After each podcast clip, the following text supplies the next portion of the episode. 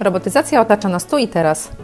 Piotr Wiśniewski oraz jego goście wprowadzają w szeroki zakres tematów związanych z robotyzacją, opowiadając o technologii w prosty i wszechstronny sposób. Zapraszam do wysłuchania rozmowy specjalistów w tym zakresie. Programie RoboSapiens często zaglądamy w przyszłość, a dziś mamy wyjątkowego przewodnika. Natalia Hatalska, CEO i założycielka InFuture Institute, Instytutu Badań nad Przyszłością. Financial Times umieścił ją na liście New Europe 100, a wysokie obcasy uznały za jedną z 50 najbardziej wpływowych kobiet w Polsce. Wyróżniona w rankingu Kogo słucha polski biznes jako jeden z 10 najważniejszych autorytetów polskiego biznesu oraz na liście Kobiet Roku Forbesa Polska. Jedna z najbardziej wpływowych ekspertek zajmujących się analizą, poszukiwaniem, prognozowaniem nowych trendów. Analityczka, trendwatcherka, autorka licznych projektów badawczych, doceniona m.in. Nagrodą Publiczności Kongresu Badaczy Polskiego Towarzystwa Badaczy Opinii i Rynku. Jeżeli tego jest jeszcze mało, dodam, że Natalia została nagrodzona przez Geek Girls Carrots za bycie wzorem kobiety zajmującej się nowymi technologiami oraz tytułem Digital Shaper, wyróżniającej wybitne osobowości za wkład w rozwój gospodarki cyfrowej w Polsce. Autorka wielokrotnie nagradzanego bloga hatalska.com, książek Cząstki Przyciągania, Far Future, Historia Jutra oraz najnowszej Wiek Paradoksów czy Technologia nas ocali. witam Ciebie Natalio, cieszę się, że zgodziłaś się wziąć udział w naszym e, podcaście RoboSapiens i zacznę może szybciutko od e, pytania nawiązującego do Twojej ostatniej książki. Powiedz nam proszę, czy technologia faktycznie ocali świat? Cześć, dobre pytanie, bo sobie też je sama stawiam, czy technologia ocali świat. E, ja myślę, że to zależy też od nas, albo przede wszystkim od nas, od człowieka, bo my mamy taką tendencję do patrzenia na technologię w kategoriach albo utopii, albo dystopii, czyli właśnie mamy scenariusz Mad Maxowy, dystopijny, wszystko się zawali, roboty przyjdą i zabiją e, człowieka, albo właśnie e, scenariusz utopijny, czyli że technologia przyjdzie i rozwiąże wszystkie nasze problemy, a my będziemy żyli w krainie wielkiej szczęśliwości. Natomiast jak sobie spojrzymy na rozwój technologii i na technologię jako taką, musimy pamiętać, że technologia, a zwłaszcza te zaawansowane technologie, tak zwane emerging tech, czyli takie naprawdę już bardzo y, zaawansowane, rozwijające się technologie, każda z nich y, to jest, y, jest technologią podwójnego użycia. Ona jest jednocześnie i dobra, i zła. Ona rozwiązuje problem, ale jednocześnie generuje kolejny. No to, to jest tak jak z dronami. Drona, drony mogą dostarczać ludziom pomoc w sytuacjach na przykład, nie wiem, jakichś kataklizmów, E, a jednocześnie wiemy, że drony dzisiaj wykorzystywane są podczas wojny na Ukrainie po prostu do zabijania ludzi. E, czy w krajach takich jak IAS czy Syria były wykorzystywane jako w ogóle już broń autonomiczna, czyli nawet nie było tego ostatniego przycisku człowieka, który decydował o tym, żeby mieć drugą osobę. One działały w tym schemacie znajdź, zabij, zapomnij. E, tak więc każda technologia dzisiaj, y, czy sztuczna inteligencja, y, czy roboty, no każda technologia dziś jest jednocześnie dobra i zła. I pytanie o to, czy technologia nas ocali, zależy od nas, bo tak naprawdę to zależy od nas, jak my tę technologię będziemy wykorzystywali. I tutaj jest takie, ja o tym dużo w książce właśnie piszę, Dzisiaj nie rozmawiamy o technologiach w kontekście wartości, czyli że my przyjmujemy technologie, one są po prostu. I potem, jeżeli coś dzieje się złego, a zawsze dzieje się złego, no bo technologia jest jednocześnie, my próbujemy to regulować prawnie, ale czasami te regulacje są zbyt późne. Hmm, ciekawa perspektywa. Wiesz co, ja niedawno się zastanawiałem nad tym, co rzeczywiście mogą zrobić algorytmy sztucznej inteligencji z nami, z ludźmi, z naszą społecznością w przyszłości. I tak trochę sobie to porównuję do tego, co się wydarzyło 1870 na przykład rok, wchodzą maszyny parowe, czyli pierwsza rewolucja przemysłowa. I pytanie brzmi, czy wtedy ktoś sobie zadawał pytanie, że wprowadzenie maszyny parowej może sprawić, że na świecie nie będzie drzew, a my będziemy się dzisiaj borykali z efektem cieplarnianym i zmianami klimatycznymi. Pewnie nie, pewnie to nie było możliwe i to jest w zasadzie w ogóle szerokie pytanie, czy startując z jakąś technologią, jak właśnie na przykład drony, o których mówisz, czy sztuczna inteligencja, czy bardzo zaawansowane metody techniki, e, technik medycznych, czy jesteśmy w stanie dzisiaj przewidzieć te pozytywne i negatywne skutki, które w dalekiej perspektywie mogą mieć miejsce? Oczywiście nie, i to jest akurat super kwestia, y, bo my żyjemy w ultra skomplikowanym świecie i każde wprowadzenie nowej technologii powoduje mm, przeformułowanie tego systemu. To znaczy to, że on wchodzi w nowy stan równowagi. się zdarzyło po wprowadzeniu maszyny parowej, ale tak się zdarzyło na przykład po wprowadzeniu prądu, tak, czy po wprowadzeniu internetu. My dzisiaj nie jesteśmy w stanie funkcjonować bez prądu. Powiedzieć, ok, prąd może nam nie do końca jest potrzebny, albo nie mamy jak go zdobywać, to działajmy bez prądu. Nie ma możliwości, nasz świat by się zawalił. Jakby nie, nie mamy możliwości, czasami konsekwencje wprowadzania danej technologii pojawiają się po 100 albo po 200 latach. Tak? Nie jesteśmy w stanie tak daleko tego e, przewidzieć. Jeden z przykładów takich bardzo e, ciekawych jest kwestia azbestu. Azbest był y, wprowadzany jako bardzo technologia budowlana, bo on był niepalny, był elastyczny, bardzo dobrze wykorzystywany w budownictwie. I po iluś latach, po kilkudziesięciu latach okazało się, że azbest ma jako technologia negatywne skutki dla życia człowieka. My wiemy, że azbest powoduje, nie wiem, nowotwory, rek, jąder, wpływa na układ oddechowy i tak dalej. I minęło tak naprawdę od wprowadzenia azbestu. Pierwsze chyba wzmianki na temat szkodliwości azbestu to był początek XX wieku, 1910 rok. Mamy 2022, a zgodnie z polskim prawem azbest z budynków budowlanych być wyeliminowany całkowicie chyba do 2035 roku. I faktycznie tak jest, że my czasami musimy wdrożyć technologię, zobaczyć, jakie ona będzie miała skutki i wtedy im przeciwdziałać. No, w 2000 roku, jak wchodził internet, my nie byliśmy w stanie przewidzieć wszystkich problemów, które internet przyniesie, z którymi zmagamy się dziś. Właśnie z algorytmizacją, z fake newsami, z dezinformacją, z zamykaniem nas w bańkach informacji. Nie byliśmy w stanie tego przewidzieć. Z osłabieniem więzów y, społecznych, E, że nie umiemy nawiązywać e, relacji, że, że, nasze kontakty są wypłaszczone, że nadmierne korzystanie z technologii wpływa na obniżenie empatii i tak dalej. Nie byliśmy w stanie tego e, przewidzieć, ale to jest taka metoda trochę prób i błędów. Ja też w książce piszę o y, Amiszach. Amisze to jest taka społeczność, o której bardzo dużo stereotypów narosło i używa się ich, mówi się o nich w kontekście, mm, że oni w ogóle nie używają technologii, ale to jest nieprawda. Oni używają technologii y, i nawet się o nich mówi, że są, że są hakerami, bo oni dostosowują technologię do swoich wartości. Oni na przykład mają w swojej społeczności jedną albo dwie osoby, które zajmują się testowaniem technologii. I na przykład y, było tak, nie korzystają w ogóle z samochodów. Amisze słyną z tych swoich furmanek zaprzężonych w konie. Ale to nie jest tak, że oni ich nie chcieli y, wykorzystywać. Jak chody zaczęły być popularne, to oni stwierdzili, ok, to używajmy tych samochodów, zobaczymy tam te dwie, trzy osoby, które były w społeczności, zaczęły używać e, samochodów. I co się okazało? Kiedy zaczęli używać samochodów, ludzie zaczęli na weekend wyjeżdżać ze swojej wioski, czyli zaczęły e, się mm, luzować więzy społeczne, które dla nich były bardzo ważne. I oni stwierdzili, OK, to jest technologia, która nie sprzyja najważniejszej dla nas wartości. W związku z tym samochodów nie będziemy korzystać, bo w momencie, jak mamy samochody, to ludzie uciekają na zewnątrz, ale samochody pomagają nam w oraniu y, pola. I część społeczności wykorzystuje traktory, tylko wykorzystuje je bez opon, czyli jeżdżą z samymi felgami, samymi felgami jesteś w stanie po polu, ale już po drodze asfaltowej nie. I tak dostosowali tę technologię, że ona ich wspiera w tym, na przykład pomaga im w codziennej pracy, ale nie wpływa na tę wartość, która jest dla nich najcenniejsza, czyli ludzie cały czas są w tej wiosce czy tam w tym e, miasteczku. Tak samo z telefonami. Nie korzystają z telefonów. Tyle, że korzystają z telefonów tylko w miejscu pracy, bo to im pomaga w pracy, w załatwianiu tam, nie wiem, mm, kontraktów, zdobywaniu tak dalej po pracy w domu nie korzystają w ogóle z telefonów, bo uważają, że telefon jest bardzo inwazyjną technologią, bo też to przetestowali i okazało się, że telefon może chodzić jak jedzą razem, jak rozmawiają, jak spędzają wspólnie czas. Tak, i widzisz, i teraz to, to, wiadomo, że to jest jakaś taka, jakieś skrajne podejście, ale faktycznie mają ustalone podejście do wdrażania technologii w taki sposób, żeby ta technologia pomagała im w codziennym życiu, a jednocześnie nie wpływa negatywnie na wartości, które są dla nich ważne.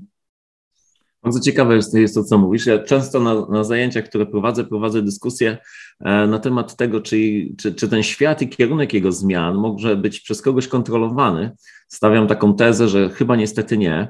E, I, I ty to potwierdzasz, że pewnie w jakichś obszarach drobnych fragmentarycznych, bardzo świadomych jest to możliwe. Ja dorzucę do tego trochę swoją cegiełkę, wiesz, ja mam takie wrażenie, że jest taki kolejny ważny slogan, który mówi, że fundusze VC to jest giełda XXI wieku. Już dzisiaj rynki finansowe tradycyjne coraz mniej są modne, dzisiaj duże stopy zwrotu i duże pieniądze oczywiście inwestowane są przez fundusze venture capitals, które jak wiemy e, inwestują głównie w technologie szybko rozwijające się, bardzo często ryzykowne, ale przede wszystkim te, które poszukują tak zwanego dysraptora, czyli czegoś, co odwróci charakter dzisiejszego rynku. I zobacz, jeżeli tak wielkie pieniądze się dzisiaj dzieją i one są inwestowane często w małe podmioty, w startupy albo w laboratoriach, gdzieś w bardzo zdywersyfikowane struktury naukowe, e, no to pewnie zatrzymanie tych kierunków zmian nie jest możliwe. A czy my jako ludzie będziemy w pełni świadomi, w którą stronę to idzie, to pewnie w ogromnej mierze zależy od nas samych i od naszego, naszego wykształcenia.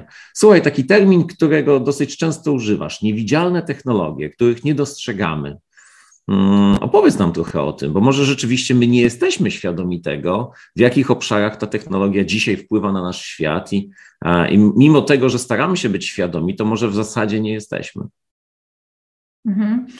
Y, generalnie jest tak, że technologia staje się niewidzialna. Im bardziej zaawansowana technologia, tym my mniej ją widzimy. Generalnie sam trend widzialności. Y, ja wiem, że to może brzmieć trochę jak science fiction, ale w technologiach widzimy y, coś takiego, y, jakby trend niewidzialności, który polega na tym, żeby żebyśmy w ogóle zniknęli, tak? I nie było różnych rzeczy widać. W obszarze na przykład wojskowości technologie niewidzialne, takie stricte niewidzialne, które znikają rzeczy, one są niezbędne. Tutaj mówię o wszelkiego rodzaju darach, o technologiach, które y, y, nie pozwalają zauważać, nie wiem, statków, dronów i innych. Więc to ma jeden obszar. I to potem, ta, jakby ta, ta niewidzialność technologii przechodzi też do naszego świata konsumenckiego. Ja pamiętam kilka lat temu byłam na London Design Weeku i tam był próbowany taki telewizor Samsunga, który się nazywa The Frame. Nie wiem, czy znasz, to jest już od, jakiego, od kilku lat y, ten telewizor istnieje. On wygląda jak obraz i on był prezentowany na ścianie mm, w galerii sztuki. Był powieszony po prostu pomiędzy obrazami. Bo ten obraz, ten telewizor w ogóle działa w sposób, że jak jest wyłączony, to on się staje obrazem, czyli nawet w, w, ramach jednej z usług oferowanych jest to, że masz tam kolekcję obrazów współczesnych i one się po prostu wyświetlają. Nie masz tego monitora, tylko po prostu masz obrazy w drewnianej ramie. No i ten obraz, y, ten, ten telewizor wisiał wśród innych obrazów powieszonych w tej galerii sztuki i on był nie do odróżnienia, to znaczy wiele osób, właściwie myślę, że większość osób nie była w stanie powiedzieć, który z nich jest, musiał być jakimś znawcą sztuki, żeby zobaczyć różnicę, ale większość ludzi nie była w stanie zobaczyć różnicy między obrazem a, y, a tym telewizorem. Czy cały obszar w architekturze, jak widzimy, mm, y, nie wiem, budynki. Dzisiaj budujemy, zwróć uwagę, budynki z, głównie ze szkła, y, z, które mają odbijać przestrzeń. One znikają w przestrzeni. To wynika z tego, że po prostu w miastach mamy coraz mniej miejsca i yy, to, żeby na przykład odbijały budynki y, niebo czy zieleń, żeby one się wtapiały w, y, w przestrzeń. Czyli widzimy, że ta, ta niewidzialność z jednej strony, tak, taka typowa niewidzialność, że rzeczy znikają, jako trend. Ona przychodzi do świata konsumenckiego, ale to jest długoterminowy trend, ale mówię, że niewidolność w technologii musimy spojrzeć też z innej perspektywy, mianowicie takiej, że to, co powiedziałam na początku, im technologia jest zaawansowana, mniej my ją zauważamy, tym mniej zauważamy ich w codziennym, yy, w codziennym życiu. Robiliśmy badania kilka lat temu, gdzie zapytaliśmy ludzi, z czym się kojarzy sztuczna inteligencja. I jeszcze kilka lat temu, jako sztuczną inteligencję, ludzie wskazywali mapy Google'a. Dzisiaj, kiedy pytamy ludzi, co jest sztuczną inteligencją, mówią, że to są autonomiczne samochody. Zapomnieli już zupełnie o, y, o mapach Google'a. Mapy Google'a są czymś całkowicie normalnym. Y, internet jest czymś dla całkowicie normalnym. Nie patrzymy na technologię, że to jest jakaś ultra skomplikowana technologia. To samo z prądem. Im bardziej korzystamy z technologii, im bardziej rodzimy się w świecie zbudowanym na technologii, tę technologię przestajemy, e, przestajemy zauważać. To, no tak, to jest oczywiście ciekawe bardzo spostrzeżenie. Chyba nie zdawałem sobie w pełni do tego, z tego sprawy. Mnie to, wiesz co, jak staje czasem przed impostem, taka codzienna czynność, którą każdy z nas pewnie e, raz na tydzień przeżywa. Ja jestem wielkim fanem impostu i tego, jak niesamowicie ta firma rośnie, jak odpowiada na nasze potrzeby. Natomiast jak stajemy przed tym takim po prostu kawałkiem blachy, y, to rzadko kto chyba zadaje sobie pytanie, jak szalenie skomplikowana technologia dzieje się za, za tym kawałkiem blachy. Wyciągamy sobie aplikację, w nią wpisujemy jakiś adres i nagle, nie oznaczając pudełka, nagle się coś otwiera i się cała tam formuła przekazu dzieje.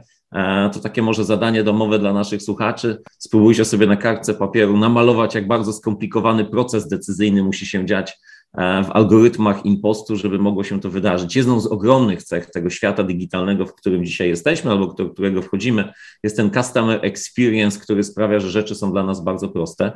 Ale to, o czym mówisz, mnie z kolei skłania do takiego kolejnego ważnego pytania. Rozwój antytech. E, coraz bardziej niektórzy z nas starają się negować tą technologię w życiu codziennym. Ja tobie powiem, że bardzo często w rozmowach e, o technologii słyszę, ja nawet nie mam Facebooka i nie będę go miał, albo nikt nie śledzi mnie, bo ja nie mam dzisiaj iWatcha. I oczywiście jest to pewnie jakiś tam tok myślenia. Powiedz, e, badaliście albo analizowaliście temat rozwoju antytech? Świadomie i celowo tylko temu poświęciliśmy badanie. Na pewno badamy to w, przy okazji innych e, kwestii, na przykład przy generacji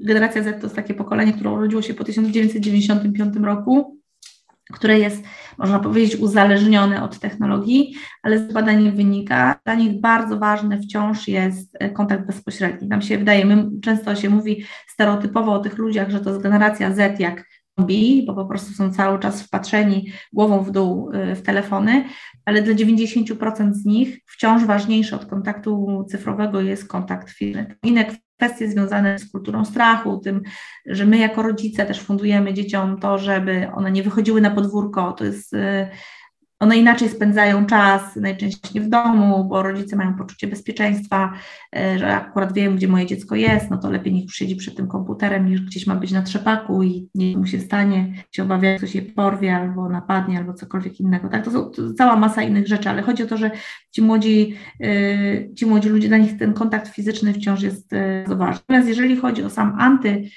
antytech, to dzisiaj w ogóle wspomniałeś w wywiadzie, się do tego nie, odniosła, nie odniosłam a propos maszyny parowej. Wtedy jak została wprowadzona maszyna parowa, pojawiła się grupa luddystów. Musimy też pamiętać, że oni nie niszczyli technologii dla niszczenia jej samej, tylko niszczyli ją ze względu na to, że on wpływa na jakość ich życia.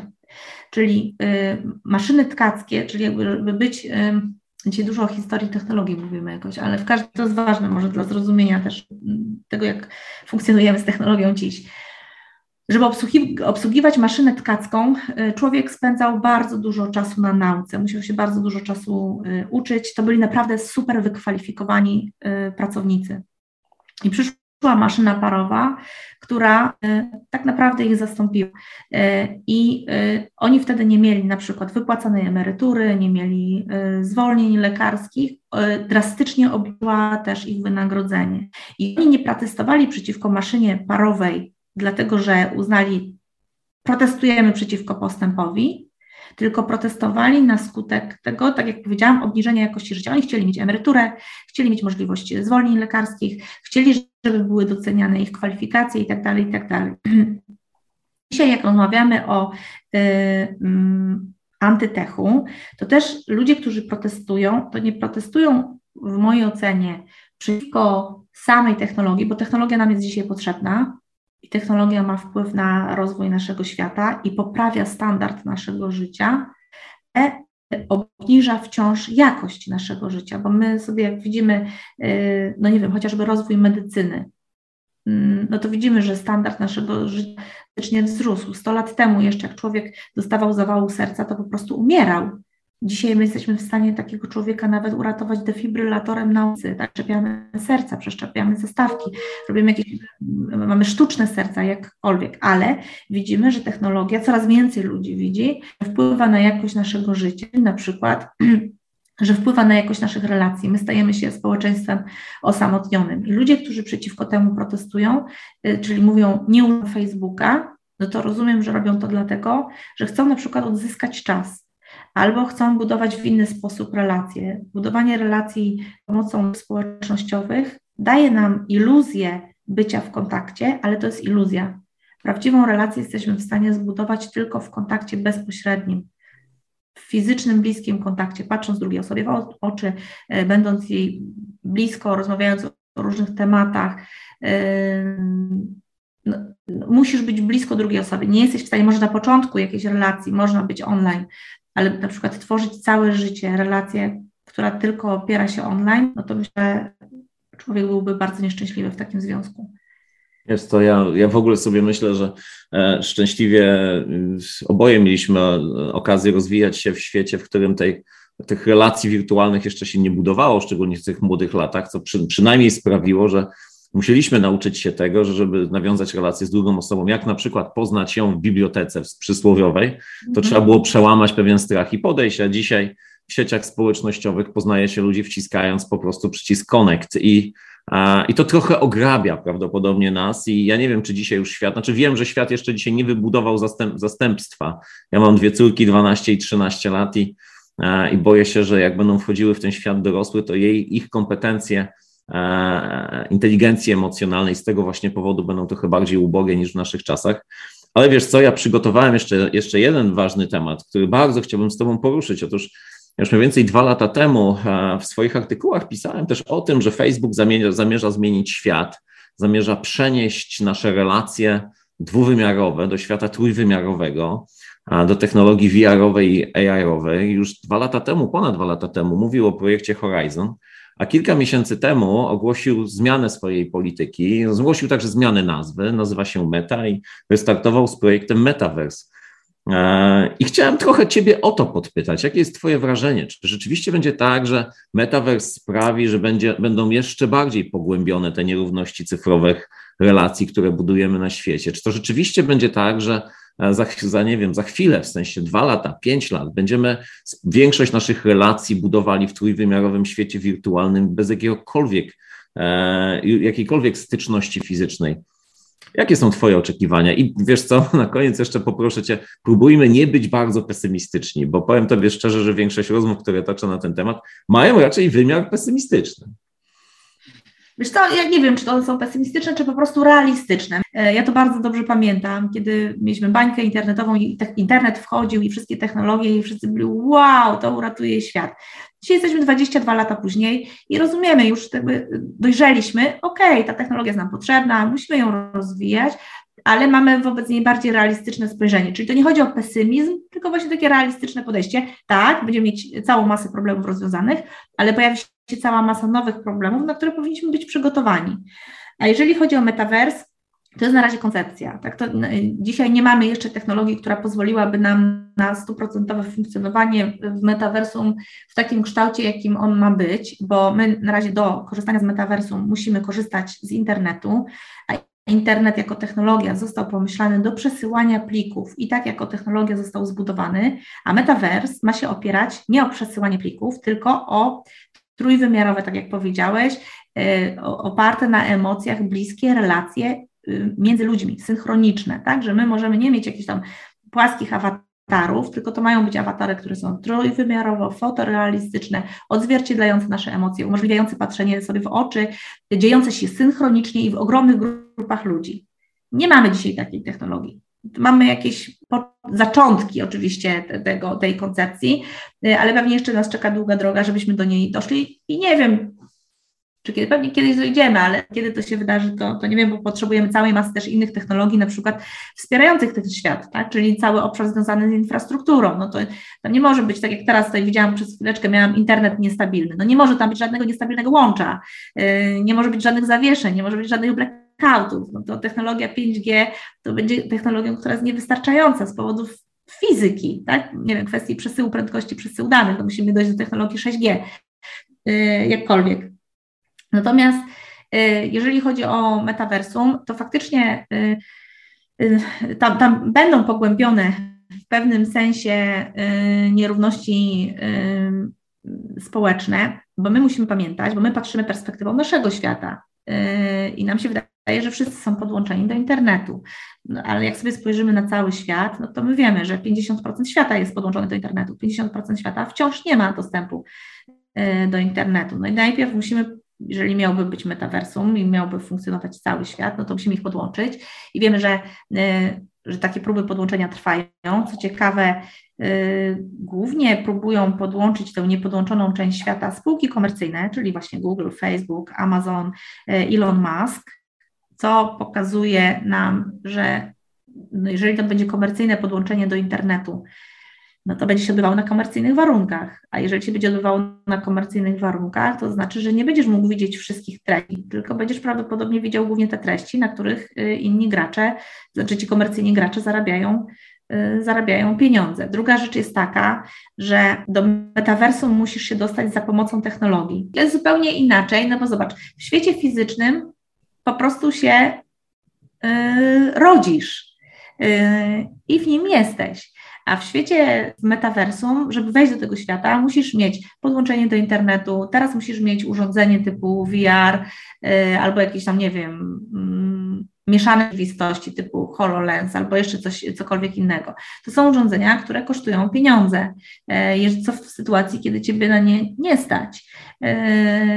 No i też są takie przedstawiane y, wizje, no nie wiem, chociażby Ready Player One, to jest taka książka i film na tej podstawie, y, czy Snow Crash, gdzie mamy pokazany świat oparty o metaversum i on się na przykład opiera o tym, głównie w Ready Player One było, że ludzie zapożyczają się w świecie fizycznym na ogromne pieniądze po to, żeby móc funkcjonować w świecie y, cyfrowym. My to już widzimy dzisiaj pewnie też jakąś, jakiś fragment tego, kiedy dana technologia dla młodych ludzi jest tak ważna, że są w stanie właściwie wszystko za nią zrobić, żeby tę technologię, żeby, nie wiem, nie poddawać, znaczy w jakiś sposób poddać się tej presji rówieśniczej, że ja też mam najnowszego iPhone'a, czy tam nie wiem co, ja akurat iPhone'ów nie używam, ale um, jakieś tam najnowsze rozwiązanie y, technologiczne. I y, z punktu widzenia y, też zdrowotnego, no musimy pamiętać, że technologia VR jest technologią bardzo nową i my jeszcze nie do końca wiemy, jak ona będzie wpływała na nasze zdrowie, bo zobacz, musimy założyć, żeby wejść do tego świata, musisz założyć ekran, który masz 5 centymetrów od oka. Ty i ja nosimy okulary. Y, I do 2030 roku 50% ludzkości ma mieć z krótkowzrocznością na skutek nadmiernego korzystania z ekranów. A my na razie korzystamy z ekranów w odległości 20-30 centymetrów od oka. Zobaczymy, co się wydarzy, kiedy wszyscy będziemy musieli mieć założone, albo będziemy chcieli mieć założone ekrany bezpośrednio. Druga rzecz jest taka, że ta technologia musiała być poprawiona, bo wyobraź sobie, że cały dzień jesteś z urządzeniem, jakim nie wiem, okulusem albo coś innego masz założone na głowie. No po pierwsze to jest ciężkie, po drugie się w tym pocisz, po trzecie musiałbyś mieć dodatkowo założone jeszcze jakieś specjalne rękawice, bo jak wchodzisz dzisiaj do VR-u, to na razie y, nie jesteś w stanie, możesz go zobaczyć, ten świat, ale nie jesteś w stanie go poczuć, a my mamy swoje zmysły i my chcemy czuć też świat innymi zmysłami, chcemy dotykać na przykład przedmiotów, albo nie tylko przedmiotów, chcemy też dotykać ludzi, więc będziesz musiał mieć zakładane jakieś specjalne kombinezony na ciało i też się dzisiaj e, pracuje, eksperymentuje z jakimiś e, rozwiązaniami typu smart textiles, czyli inteligentnymi materiałami, które na przykład są lekkie, e, a jednocześnie bardzo czułe i pozwalają ci nie wiem, funkcjonować w tym świecie e, cyfrowym. Więc cała masa wyzwań e, związanych z naszym funkcjonowaniem, też stworzeniem zupełnie nowej gospodarki, jak będziemy płacić, bo wiem, że już płacimy za rzeczy w świecie online, które fizycznie nie istnieją. Yy, wiesz co, dużo, dużo, zabrać. Dużo, Dużo fajnych wątków. E, coraz bardziej się uśmiecham. Szkoda, że nasi słuchacze, nie widzowie nas nie widzą, bo coraz większe uśmiechy oboje mamy na twarzy, drodzy Państwo. E, uśmiecham się głównie dlatego, że to wszystko, o czym mówisz, mi ogromnie przypomina pierwszą dekadę tego naszego wieku, kiedy wchodziły telefony komórkowe masowo i pojawiły się smartfony. E, I na początku nie wiem, jak, jak, czy pamiętasz, jak dużo było mowy na temat tego, że przecież nikt nie będzie pisał krótkich tekstów, no bo jaki to ma sens, skoro mogę zadzwonić, albo, e, albo tego, że przecież na samym początku, 20 lat temu, jak ktoś chodził z telefonem komórkowym przed środkiem ulicy, to się go traktowało jako osobę, która no tak nie, co, co najmniej nieładnie się zachowuje. E, i tak dalej, i tak dalej, i tak dalej. E, później się okazuje, że dane z zeszłego roku 52% reklamy przechodzi przez Facebook dzisiaj na świecie, a Facebook, jak wiemy, w 70 paru procentach przelatuje dzisiaj przez komórkę, bo jest w wersji mobilowej i coraz mniej osób w ogóle korzysta z Facebooka w, w części komputerowej. Mi się wydaje, że metaversum to jest, to jest technologia, która relatywnie szybko nas już dopadnie, bo ona nie jest bardzo nowa. Pierwsze Google Glassy to był 2013 rok. Już od jakiegoś czasu tej technologii się uczymy. E, ale tak jak mówisz, zobaczymy i z całą pewnością nie jesteśmy do tego gotowi. Ja bym na koniec chciał Ciebie zapytać o Twój, Twój rodzimy produkt, którym bardzo z tego co wiem pomagasz wielu firmom. Ja z kilku moich klientów opowiadało, że z nimi pracowałaś e, tym narzędziem, czyli mapą trendów. Mogłabyś nam w trzech słowach powiedzieć, e, do czego to narzędzie może być zastosowane i gdzie można spotkać Ciebie e, i jak można Ciebie, brzydko mówiąc, trochę wykorzystać do tego, żeby przygotować się do tego transferu, który dzieje się na świecie, właśnie wykorzystując Twoje narzędzie. Mhm. E, no, e, ja jestem prezeską i założycielką InFuture Institute, więc najczęściej można mnie spotkać po prostu w instytucie i zapraszam do, do kontaktu, jeżeli ktoś miałby ochotę porozmawiać. Mm, a mapa trendów to jest nasze autorskie narzędzie, które wydajemy już od e, pięciu lat. To jest taki, powiedziałabym, mm, ona jest też ogólnodostępna, e, czyli każdy może po prostu ją pobrać sobie z naszej strony. E, publikujemy ją raz do roku, zawsze na początku roku, pokazując najważniejsze trendy który, z którymi będziemy musieli się zmierzyć w najbliższym czasie. W tym roku po raz pierwszy podzieliliśmy mapę też na megatrendy, ponieważ tych trendów jest naprawdę bardzo dużo i żeby ułatwić nawigowanie firmom e, w rzeczywistości, to podzieliliśmy je na takie główne megatrendy, właśnie jak metaversum, e, kryzysy zdrowotne, zmiany demograficzne, utrata spójności społecznej itd. Tak I na te megatrendy składają się inne trendy. I mapa trendów, tak jak powiedziałam, to jest radar. E, czyli patrzymy sobie na niego tak jak na radar. To, co jest w środku, to znaczy, że to jest coś, co się najprawdopodobniej najszybciej spełni, czyli to są tak zwane trendy wiodące. E, e, I na to powinniśmy fokusować swoją soczewkę. Tak? Czyli jeżeli jesteśmy jakąkolwiek firmą, to co widzimy w środku tego, tej mapy, to, to jest coś, co szybciej dotknie. Jeżeli na to jeszcze nie zareagowaliśmy, to to już jest najwyższy, najwyższy czas.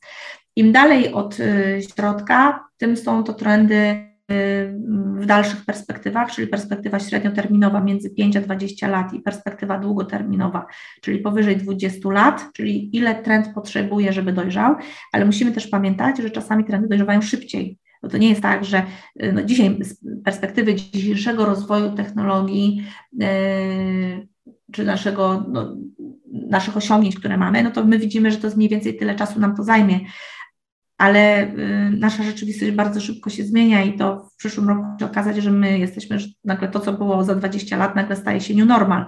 To nam pokazała chyba też najlepiej pandemia, gdzie drastycznie y, przyspieszyła mm, proces cyfryzacji i przedsiębiorstw i właściwie całego świata. Tak my w procesie cyfryzacji i digitalizacji jesteśmy od 2000 roku, czyli od 20 lat, a, a takie największe przyspieszenie mieliśmy w czasie pandemii 2019-2020 2021 rok, czyli w ciągu dwóch lat wydarzyło się więcej niż przez 20, 20 ostatnich lat. No to chyba to jest najważniejsze w, w kontekście y, mapy trendów.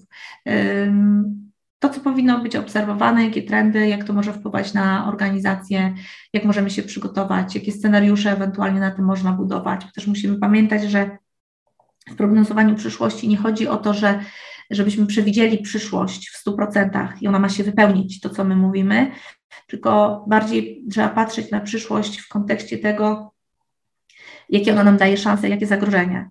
Czy to jest, y, czy na przykład dany trend, y, czy my jesteśmy na niego przygotowani, czy my na przykład biznesowo musimy się zmienić, y, czy powinniśmy zmienić grupę odbiorców, a być może powinniśmy zmienić jakieś procesy albo zainwestować w jakieś technologie, żeby na ten trend odpowiedzieć. Słuchaj, dziękuję Ci ogromnie za nasze spotkanie. Ja mam nadzieję, że ono natchnęło wielu naszych słuchaczy, którzy na co dzień zajmują się bardziej przyziemnymi tematami, jak na przykład właśnie robotyzacja, automatyzacja, poprawa efektywności procesów. Natomiast y, ja jestem przekonany, że rozumienie zmian z takiej perspektywy lotu kosmicznego pewnie jest bardzo ważne, bo ten lot kosmiczny, tak jak właśnie, ja się z Tobą zgadzam z dwóch procentach, e, mogło, może nam się wydawać, że jakaś technologia będzie gotowa za 10 lat, albo zmiana przyjdzie za 15 lat, a ona może być tutaj już w przyszłym roku albo za dwa lata. E, I z jednej strony te wszystkie zmiany dają nam ogromne, przynoszą ogromne zagrożenia, ale dają także nam ogromne szanse. I diagnozowanie tych szans to jest właśnie sposób na to, żeby szukać fajnych pomysłów na nowe biznesy, które zarówno nam, jak i może naszym dzieciom będą dawały dużą satysfakcję, podniosą jakość życia i dadzą po prostu żyć. E, Natalia, bardzo dziękuję Ci serdecznie za tę rozmowę i mam nadzieję, nie jest to nasze ostatnie spotkanie. Już taką mam nadzieję. Dzięki za zaproszenie. Dzięki wielkie. RoboSapiens to seria podcastów inspirowanych oraz sponsorowanych przez pierwszą na świecie platformę robotów DBR77.com. Ta unikatowa platforma pozwala sprawnie i efektywnie zrobotyzować linie produkcyjne praktycznie każdej branży. Jesteśmy jedynym miejscem, które stwarza możliwość zdalnego przedstawienia wyzwania technologicznego w nowatorskim studio 3D oraz umożliwia zebranie szerokiego zakresu koncepcji jego rozwiązania. Platforma DBR77.com dostarcza innowacyjne i darmowe oprogramowanie, dzięki któremu w pełni zaprojektujesz i przeanalizujesz linie produkcyjne, a nawet całe zakłady produkcyjne. Platforma robotów DBR77 to wszystkie roboty w jednym miejscu.